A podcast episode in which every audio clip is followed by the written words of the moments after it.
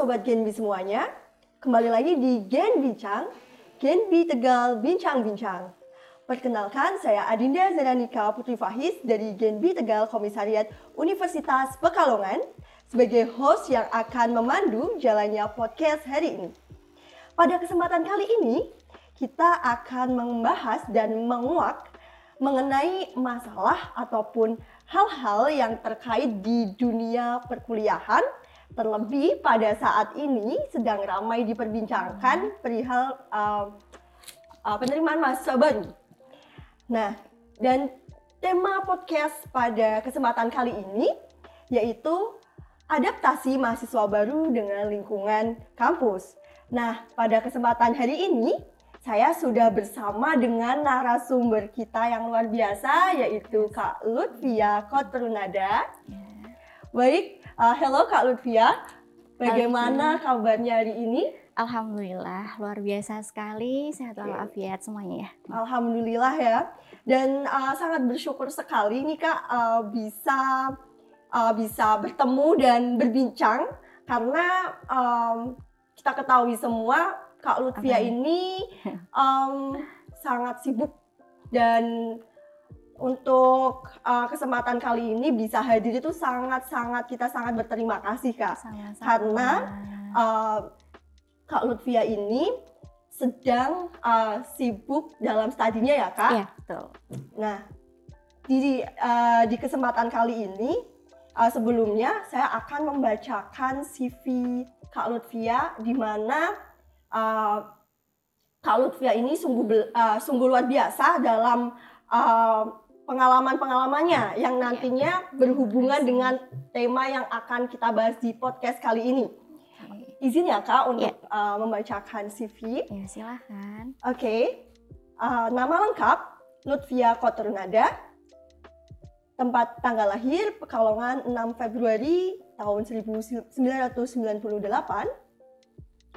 dengan riwayat pendidikan S1 Universitas Pekalongan tahun 2016 hingga 2021 lalu melanjutkan S2 di Universitas Negeri Semarang. Ya, betul. Dari tahun 2021 21. hingga sekarang ya, ya Kak? masih berlanjut.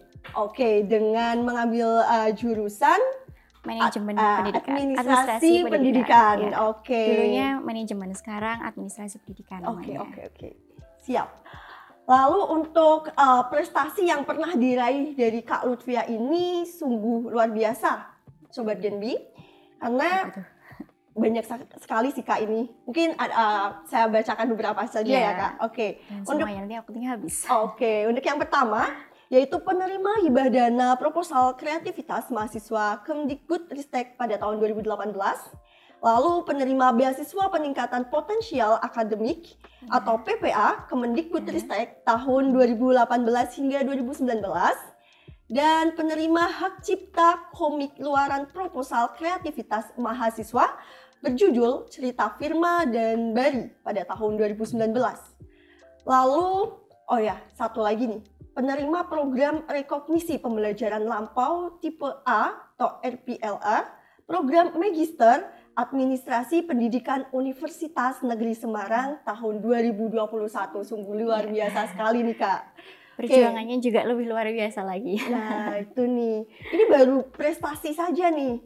Lalu untuk riwayat organisasi. Nah, untuk organisasi uh, ada beberapa pengalaman yaitu yang pertama menjadi anggota Mathematics Education Club Himaptika Universitas Pekalongan tahun 2017 hingga 2018.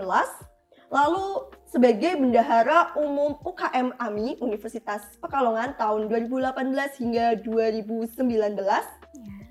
Lalu yang um, sebagai highlight di sini yaitu Ketua Umum UKM Ristek Universitas Pekalongan tahun 2019 hingga 2020. Dan masih banyak lagi ya Kak ini, aduh luar biasa sekali. Prestasi udah, organisasi udah.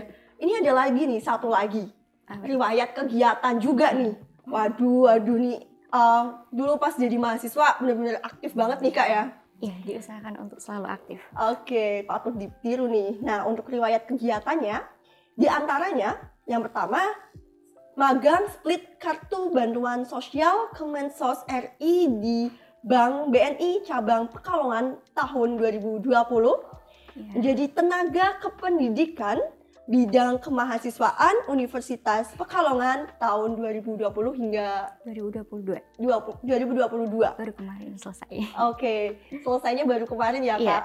Oke, untuk selanjutnya menjadi tenaga administrasi beasiswa Universitas Pekalongan tahun 2020 Sampai 2022 hingga juga.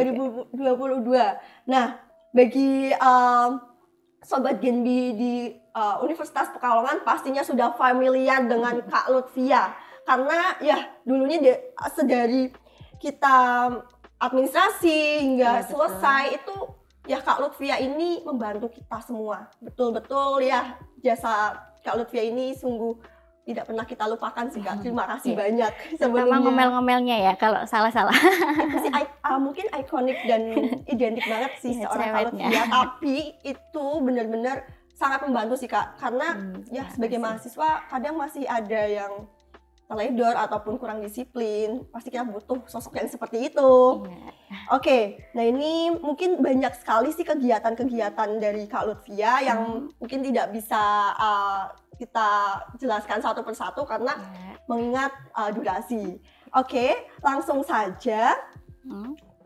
setelah um, setelah kita mengetahui uh, CV dan pengalaman-pengalaman uh, dari Kak Lutfia, tibalah kita menjawab rasa uh, penasaran perihal nih tadi Iya, uh, bagaimana sih adaptasi seorang mahasiswa baru itu? Mm-mm. dengan lingkungan kampus.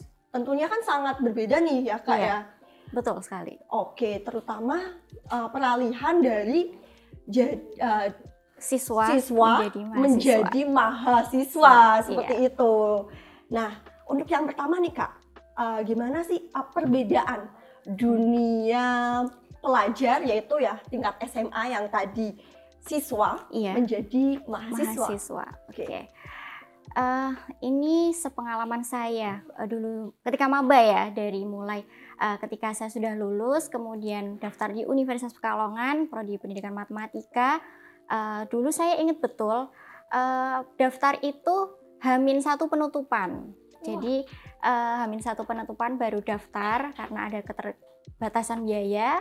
Alhamdulillah dapat beasiswa dari yayasan. Kemudian eh, properti saya juga tidak ikut proper, pra propertinya satu hari pembekalnya itu nggak saya nggak ikut. Nah baru itu eh, satu di, hari pertama hari pertama ospek itu ah, luar biasa sekali.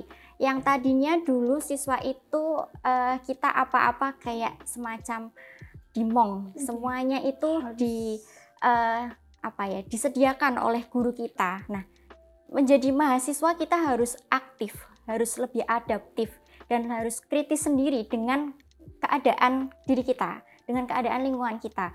Misalnya kalau di eh, ketika apa ya bahasanya eh, kalau di MPLS kok siswa itu, ya MPLS itu apa-apa sudah ditentukan oleh guru dan juga osisnya seperti ini seperti ini. Nah kalau di perguruan tinggi sebagai mahasiswa kita harus punya nalar kritis sendiri, sudah bisa adaptasi sendiri dengan lingkungannya seperti itu. Jadi eh, lebih ke perubahan pola pikir ya dari siswa menjadi mahasiswa. Nah, uh, untuk point of view-nya adalah uh, pola pikir ya Iya, kayak betul. peralihan karena uh, mungkin uh, sebagian dari uh, mahasiswa baru itu berpikir oh ya menjadi mahasiswa itu mereka uh, pikirnya oh ya kalau nanti jadi mahasiswa nanti bebas nih Ya, terlihat Bebas keren seperti keren, itu ya. mahasiswa uh, sebagai dari dari yang Iya. tadinya tuh uh, kan kalau di sekolah tuh biasanya pakai seragam Iya. terus kayak jadwal juga sudah terjadwal dengan rapi nah sedangkan menjadi mahasiswa ternyata loh kok seperti ini Iya, gitu kan kalau misalkan. Kalau misalkan nantinya dia tidak siap dari segi pola pikir mungkin agak shock gitu ya kak ya, Ya, pasti itu pasti karena eh, saya pengalaman gini kalau eh, di sini jadwalnya iya memang ada jadwalnya dari TU fakultas Iya. seperti itu ya Senin sampai Jumat itu pasti ada jadwalnya dek Eh, tetapi ketika kontrak kuliah kita pasti akan ada kesepakatan dengan Betul. dosen kita jadwalnya eh, entah itu beliaunya sibuk atau ada agenda di luar atau lain sebagainya sehingga kita harus yang lebih aktif sendiri seperti itu. Dan perbedaannya yaitu ketika dulu menjadi siswa Hmm. uh, uh, gurunya itu yang mengejar nilai, yang Iya. mengejar uh, siswa untuk perihal nilai. Nah, untuk ketika sudah menjadi mahasiswa, dosen tidak peduli, ya nggak sih kak? Iya betul sekali karena Yang- kalau dosen kan ibaratnya di sini yang membutuhkan nilai, yang membutuhkan agar kamu bisa diakui secara akademiknya kan mahasiswa sendiri, Betul. bukan dosennya. Jadi Betul. mahasiswa yang harus aktif dengan dosen seperti itu. Nah, itu teman-teman. Oke, uh, untuk pertanyaan selanjutnya nih kak, uh, apa aja sih skill dasar yang harus dimiliki seorang mahasiswa? Cukup satu sih, Dek. Apa tuh? Adaptif udah. Karena kalau kita sudah bisa beradaptasi dengan lingkungan baru kita, semuanya beres. Sudah seperti itu. Oke, di mana harus bisa menempatkan diri ya. Betul sekali. Kondisional juga Iya. kita ya sebagai mahasiswa itu seperti tadi yang sudah dijelaskan harus berpikiran terbuka, Iya, jangan close mind gitu iya ya. betul Oke. sekali. Cukup itu saja. Oke, sudah dapat nih Point satu, of view-nya. tapi itu memang Berat untuk dilaksanakan. ya berat mudah diucapkan berat untuk dilaksanakan Betul tapi sekali. ya wajib dilaksanakan sih Iya, kak sebagai harus. mahasiswa. Iya, harus itu. Oke, nah kalau kalau boleh tahu nih Apa nih? pengalaman Kak Lutfia ketika jadi maba flashback sedikit nih. Oke, flashback ya. Eh, senengnya itu karena kita selalu dibimbing, diarahkan dulu agar kita bisa mengenal lingkungan baru kita. Ada panitia pendamping, ada panitia-panitianya. Sebisa mungkin eh, kalau kita jadi panitia itu harus humble gitu. Yang suka, eh, yang susahnya itu ketika cari peralatan aja sih itu, melelahkan. Sudah itu aja. Melelahkannya aja itu cari peralatan-peralatan, masya Allah. Tapi asik kan Kak? Asik Asik. dan tidak terlupakan. Iya. Ini yang uh, maba-maba yang online mungkin ya mereka gimana ya Kak? Eh, beda ya dengan iya, zaman iya, kita, aduh, era iya, kita. pasti beda. Karena baru uh, mulai untuk normal lagi di tahun Di ini. tahun ini, iya, nah, betul makanya kita bikin podcast ini Kak. Iya. Oke. Nah, lanjut nih Kak. Apa nih? gimana sih cara uh, berbaur di lingkungan mahasiswa dan Mhm. bagaimana etika pergaulan yang baik. Hmm, Nah, itu pasti diperlukan juga nih. Iya. Eh, tentu ya sopan santun dan juga ya kita bersikap sewajarnya gitu. Sesuai dengan eh, apa latar belakang kita dan juga sesuai dengan apa yang kita bawa dari keluarga kita. Contoh misalnya eh, mohon maaf ya, ini kalau misalnya dari latar belakang dia diterima di sini jadi jalur beasiswa seperti itu. Tentunya dengan mahasiswa-mahasiswa yang lain itu akan berbeda karena kita memiliki tanggung jawab moral. Tentu harus lebih rajin belajarnya, harus berprestasi dan juga banyak berkarya seperti itu. Nah, jadi kita walaupun sama-sama mahasiswa ada eh, tanggung jawab moralnya juga seperti itu. Jadi eh, menempatkan saya harus bagaimana itu dengan dilihat status kita dari awalnya itu gimana sih gitu. Nah, kalau sudah tahu cara kita, oh harus sopan santun seperti ini, ya intinya semuanya kalau sudah eh, kita tahu memposisikan diri, itu pasti akan lebih eh, diterima oleh lingkungan baru seperti itu. Yang pertama memang harus introspeksi dan Iya. memposisikan diri ya kak. Betul sekali itu. Karena ya itu kalau misalkan kita jarang untuk introspeksi diri, Mhm, maka etika pergaulan itu juga akan menyangkut Iya. itu ya kak Iya. ya. Betul Oke sekali. oke. Nah sekarang untuk uh, ini agak nyambung nih kak antara etika Iya. dan berpakaian yang baik. Berpakaian, oke. Jadi kemarin ada pengalaman nih, ketika saya ada acara pemberkasan manual KIP, itu ada salah satu eh, yang penerima menanyakan, Kak, pakaian kita ketika ke kampus bagaimana? Seperti itu. Itu bagus sekali pertanyaannya, good question. Eh, karena apa? Eh, walaupun kita di sini bebas, ya, dalam arti tidak ada seragam, eh, kecuali yang biasanya kalau ada praktikum seperti itu, tetapi di sini kita tetap punya aturan ya. Tentunya harus bebas sopan, ya sopan, rapi, wangi. Ya, paling tidak ke kampus mandilah ya, walaupun lima menit kayak gitu. Mohon maaf ya. Kalau misalnya kita berbaur dengan orang banyak yang sampingnya itu agak bau-bau tidak sedap kan tidak nyaman untuk Betul. bergaul seperti itu.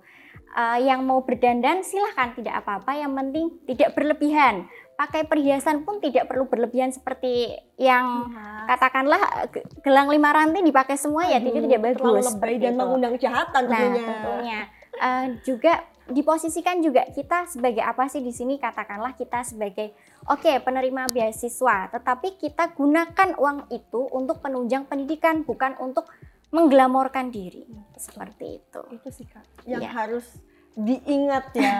Betul. Lagi-lagi harus introspeksi diri. Iya, Untuk apa uh, dana itu dipergunakan Betul. seperti itu. iya, Itu uh, perihal uh, etika dan tadi nyangkut dengan uh, berpakaian. iya betul sekali. Nah, biasanya nih Kak, ketika uh, mahasiswa pasti nanti sering berhubungan dengan dosen. Iya, Nah, gimana Betul. sih cara atau tata etika sebagai Mm-mm. mahasiswa mm, ketika menghubungi dosen? hubungi dosen. Ini eh, yang pertama itu harus siap mental dulu ya adik-adik ya. Karena mau WA kepada orang tua kita di kampus itu eh, apa ya si malakama gitu. Bahasanya kalau mau WA sopan nggak ya? Iya. ini udah pantas nggak ya? Gitu. Dulu saya latihannya seperti ini. Ketika kita akan WA dosen itu for ada kayak saya eh, punya template.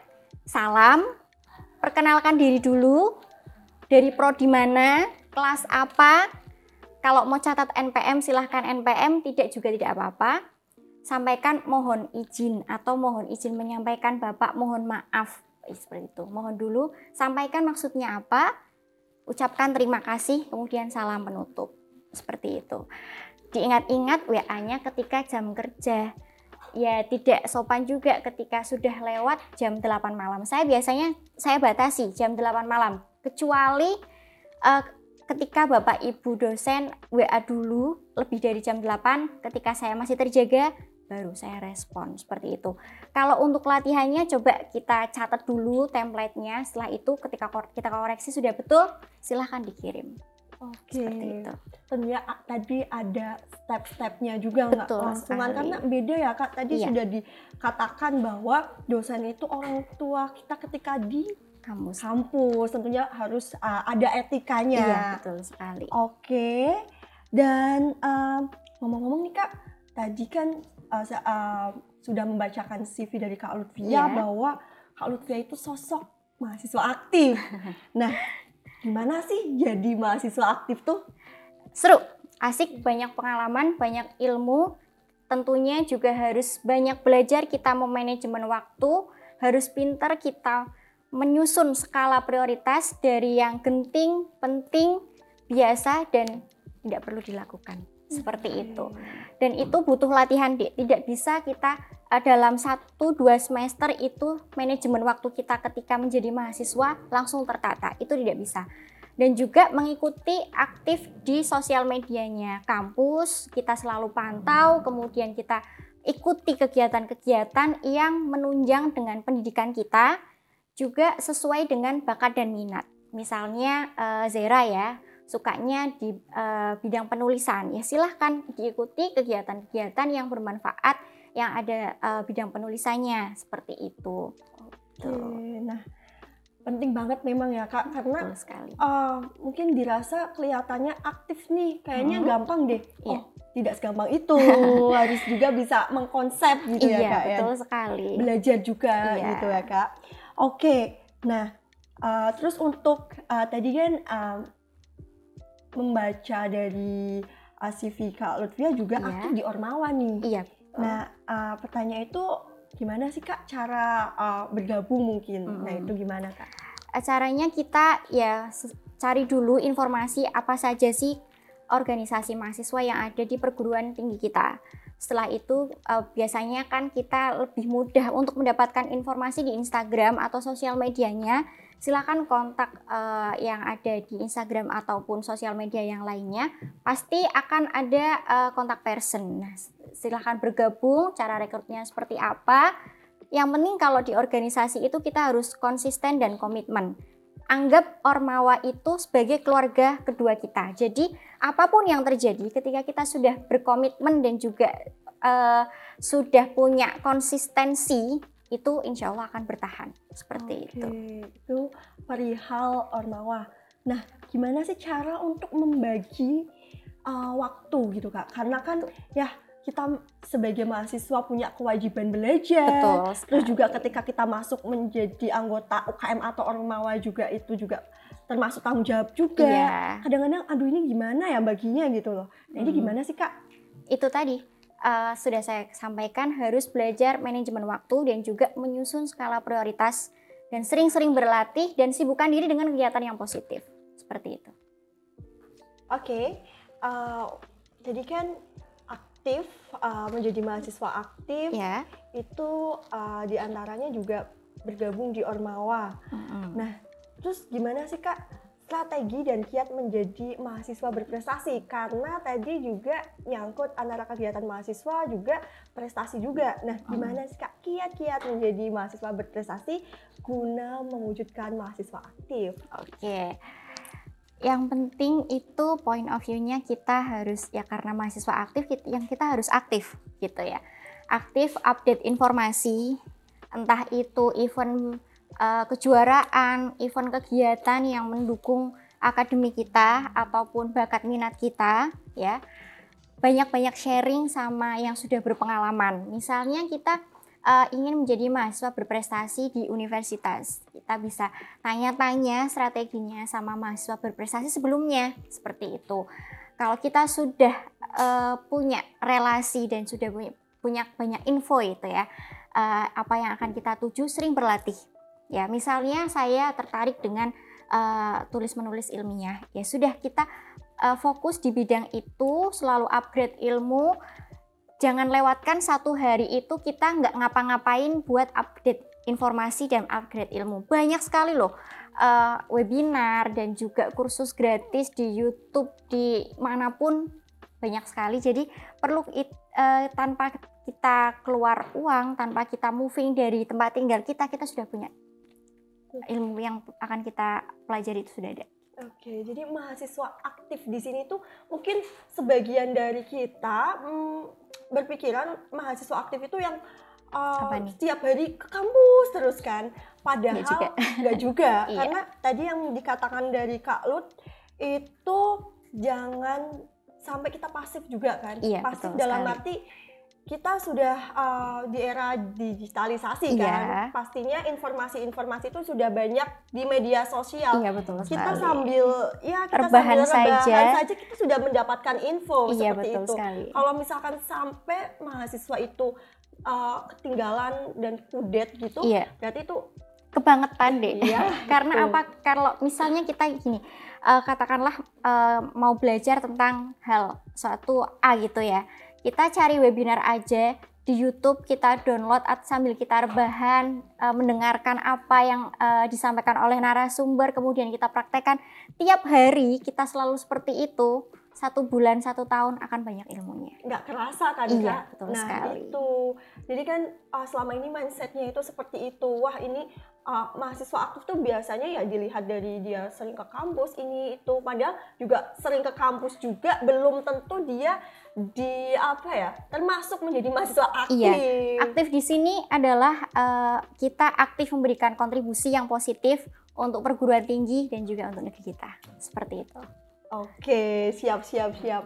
Dan selanjutnya uh, dengan menjadi mahasiswa aktif Iya. itu pastinya ada korelasi dengan Mm. langkah mencari beasiswa. Nah, pasti ini. Ini ini yang yang kita uh, apa ya? Kita tunggu-tunggu uh, tipsnya juga nih kak. Iya. Oke. Eh, ini memang apa ya benar-benar terjadi pada diri saya seperti itu. Jadi saya diterima di UNES Universitas Negeri Semarang jalur RPL. RPL itu rekognisi pembelajaran lampau tipe A dari Kementerian eh, Pendidikan dan itu saya bebas eh, dana pendidikan selama satu semester. Ya, jadi daftarnya itu gratis dan pendidikan selama biayanya selama satu semester di semester satu itu bebas.